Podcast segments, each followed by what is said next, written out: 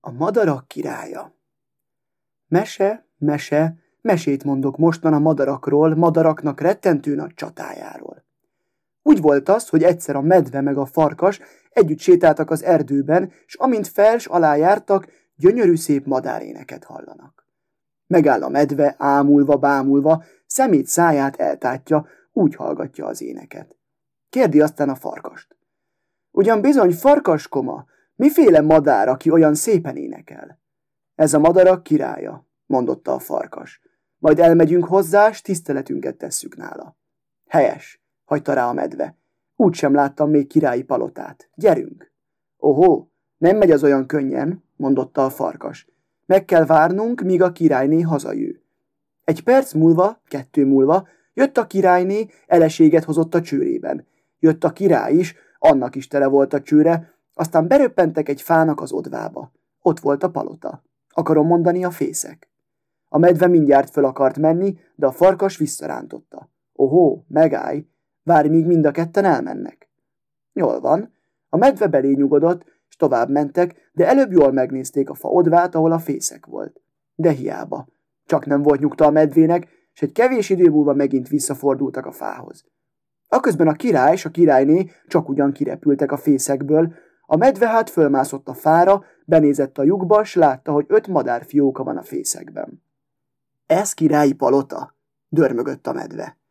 Na ugyan nyomorúságos egy palota, s hát ezek királyi gyermekek, hisz ezek közönséges parasztkölykek. Hely, szörnyű haragra robbantak a fiókák erre a gyalászkodó beszédre.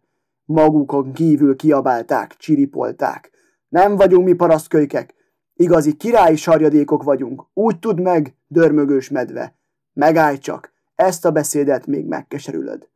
Meghökkent erre a medve, meg a farkas is, visszakullogtak a barlangjukba nagy nehéz aggodalomban, hogy hát most mi lesz.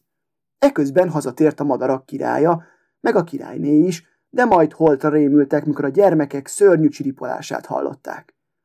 Azt mondta az idősebbik, és utána a többi. Itt volt a medve, és azt mondta, hogy nem vagyunk királyi gyermekek, hanem közönséges parasztkölykök. Valameddig meg nem tudjuk, hogy mi az igaz valóság, sem csőrünket, sem szárnyunkat meg nem mozdítjuk, és itt ebben a helyben éhen halunk, de gyalázatban nem élünk. Ej, ej, csóválta a fejét a király. Hát ez miféle beszéd? Király volt nekem apám, nagyapám, még a hetvenkettedik is. Csak csendesüljetek le, majd megmutatom én annak a vénparasztnak, kis mi vagyok én. Egy szempillantás sem ült otthon, a kíséretével együtt elröpült a medve barlangjához, s bekiáltott. Hallod-e te vén méztolvaj? Hogy merted megsérteni az én gyermekeimet? Tudd meg, hogy háborút indítok ellened, s jaj neked, s egész nemzetségednek. De már ennek fele volt tréfa. Medvekoma felcihelődött, s hírül adta a négylábú állatoknak, hogy csak talpra, mert a madarak királya hadat üzent. Olyan háború lesz, amilyen még nem volt, mióta a világ világ hiszen csak hadállottak is talpra, mert a madarak királya egy óra alatt mind összegyűjtötte, ami madár van a világon, nem csak a madarakat, de még a bogarakat is, a méheket is, és a legyeket is, mindenféle teremtett állatot, akinek csak szárnya volt. Mikor összegyülekezett a had, a madarak királya kiküldötte az ökörszemet, hogy lesse ki, tudja ki az ellenségnek ki lesz a vezére. Elröppent az ökörszem, a medve barlangja mellett egy fán a levél alatt meghúzódott, és úgy hallgatózott. Hát jön a medve nagy mogorván, dirmegve, dörmögve, szólítja a rókát, s mondja neki. Hallod-e, róka?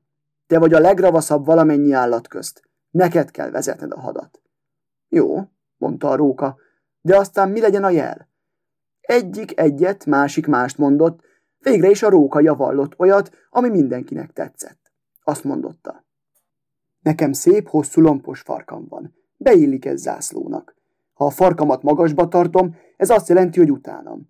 Ha lekonyul a farkam, akkor szaladjatok, amerre láttok.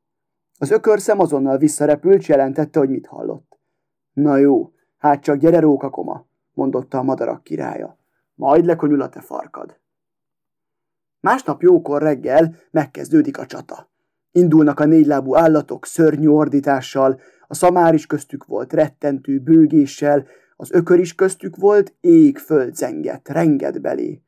De indulnak a madarak is. Surrogott, burrogott a levegő a szárnyuk csapásától. Csengett, zengett az erdő. Hely, mi lesz itt, Uram Jézus Krisztus? Nosza, a madarak királya egyszerűbe kiküld egy pár szarvasbogarat.